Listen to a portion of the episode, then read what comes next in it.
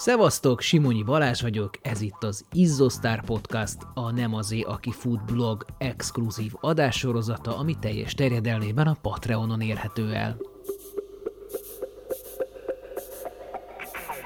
Négy spartatlon, hét terepszáz, de a lényeg, hogy ő a legtöbb Ultra Balaton teljesített magyar futó. 12-szer indult, 12-szer ért célba, egyszer harmadik is volt. Jellegzetes bongyorhaj, hosszú kompresszió zoknik a pipaszár lábon és mosoly a napszemüveg mögött.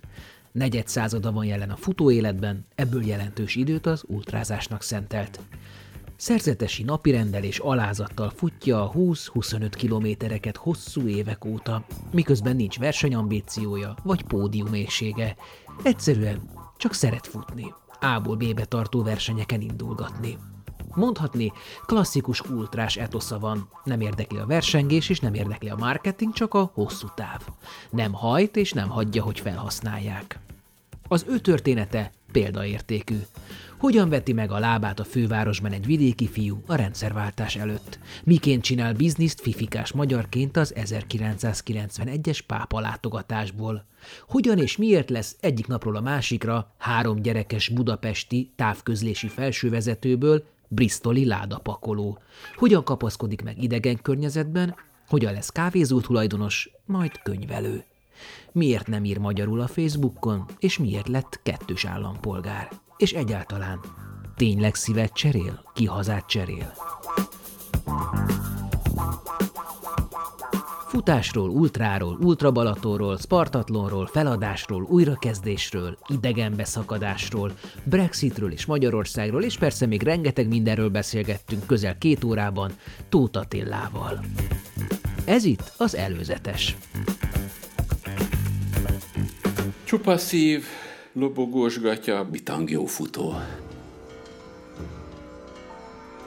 Szerintem egy nagyon jó ember, nem tudom ezt máshogy mondani és azt gondolom, hogy akire, hogyha úgy, úgy az ember úgy bajban lenne, biztos, hogy számíthatna. Hétköznapi, ha szabad ezt a kifejezést használni, hogy hétköznapi hőső. Nem, nálam nincsen olyan, hogy, hogy, hogy kétségem lenne. Én, ha kétségem van egy verseny előtt, akkor az baj, mert akkor nem készültem föl rendesen. Azt szoktam még mondani, hogy hogy minden versenynek megvan az ára, amit meg kell fizetni.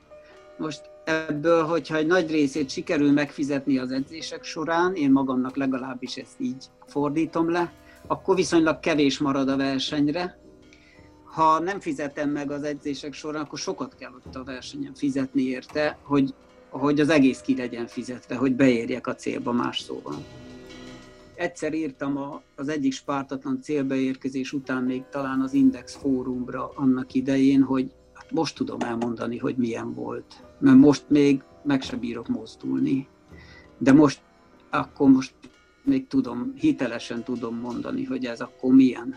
És akkor most lehet kérdezni. Mert két nap múlva már csak azt tudom mondani, hogy de jó volt. Hogy mondjam, sok ember meg, megállott, amikor fáj meglátták a UB-s pólómat, rá volt írva, hogy 2.12, kérdezték, az mi? Mondtam, az kilométer. Kérdezték, hogy az, hogy hány nap alatt, ugye szokásos, hány nap alatt, meg hol alszol közben, meg nem tudom mi.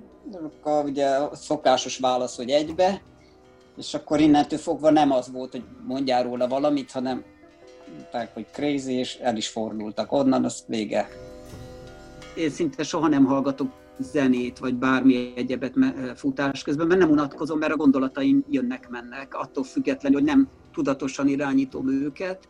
Majdnem minden kilométerhez adódik valamilyen élmény, hogy ott akkor éppen mit csináltam, ki mit mondott, és ezek annyira megvannak a fejemben, annak ellenére, hogy nem, hogy mondjam, nem tudatosan akarom megjegyezni, de egyszerűen ott maradnak. És a, és ahogy megyek körbe az úton, ezeket az élményeket újra, hogy mondja, újra élem, vagy úgy, hogy eszembe jutnak akaratlanul is, és ezekkel nagyon jól el vagyok út közben. Tehát ez egy, ez egy élmény, mint egy filmet nézni végig. Sajnos a csodák általában másokkal történnek.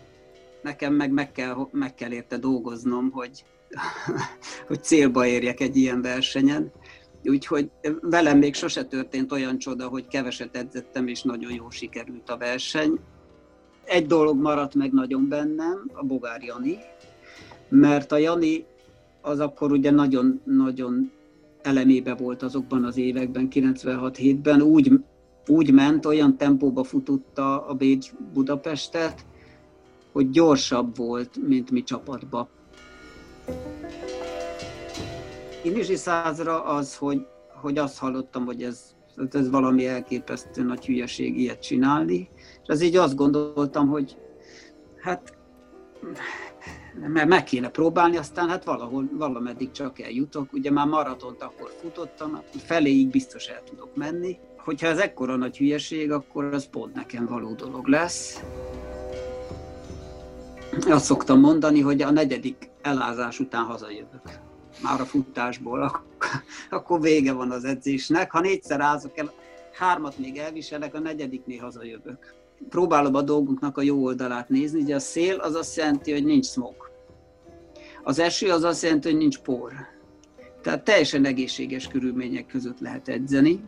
Volt olyan futóverseny, hogy elestem és nem tudtam fölállni a széltől. Tehát, hogy így, mert visszadöntött mindig.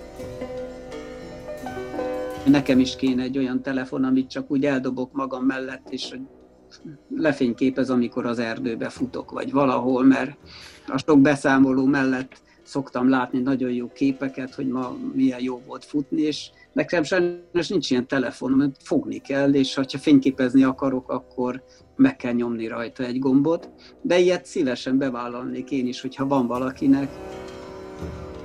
És én nem szeretem, ha bezárnak valahova, és nem mehetek, nem mehetek el oda, ahova én szeretnék. Lehet, hogy sehova se szeretnék menni, de nekem nem mondják meg, hogy nem mehetek sehova. És ez annak ellenére igaz volt, hogy, hogy én Budapesten voltam katona. Ha valahol nem érzem jó magam, akkor onnan elmegyek. És hát ez történt 2012-3-ban, hogy azt gondoltam, hogy nem. Tehát ha az ember nem tud valami ellen tenni, akkor vagy elviseli, vagy elmegy onnan, én pedig azt választottam, hogy akkor el, elmegyek onnan. És akkor úgy néha gondolkodtam, amikor ott az esőbe rá, rámoltam ezeket a ládákat, hogy hát az néhány héttel ezelőtt, amikor a titkárnő azt kérdezte, hogy kérek-e kávét, vagy nem, azért az nem ugyanez a helyzet volt gyakorlatilag lenulláztam azt, amit ott az elmúlt 25-27 év során tapasztalatba, egzisztenciába bármivel elértem, egyik napról a másikra gyakorlatilag. Olyan dolgok történtek a, a, az országban, amire azt gondoltam, meg sokan azt gondoltuk, hogy ilyen, ilyen már biztos nem lehet, és mindig egy újabb következő dolog történt, és ami engem a legjobban zavart benne, hogy, és ez a mai, hát egyrészt, hogy a mai napig történik, másrészt pedig, hogy és semmi következménye nincsen. Tehát emiatt a, a szabadságérzés hiánya miatt, vagy a, vagy a felelősség, meg a felelősségre vonás teljes hiánya miatt indultunk el. És hát itt ragadtunk. Annak ellenére, hogy az én fejemben az van benne, hogy egyszer majd hazamegyünk. Egyelőre nem látom a, a dolgoknak a végét. Kettős állampolgár lettél? Kettős állampolgár, és most már új útlevelem is van, mármint hogy az új Brexit utáni kék útlevél, amit Franciaországban gyártanak. Ennyi volt az Izzósztár előzetese Tóth Attillával. Érdekel a két órás adás? Akkor szállj be a finanszírozásba, legyél patronálója a tíz éve fennálló blog és podcast működésének, és férj hozzá további extra tartalmakhoz is írott, vizuális vagy hangi formában, amik a futásvonzás körzetében levő izgalmas alakokkal, alakokról készülnek. www.patreon.com per nem azé.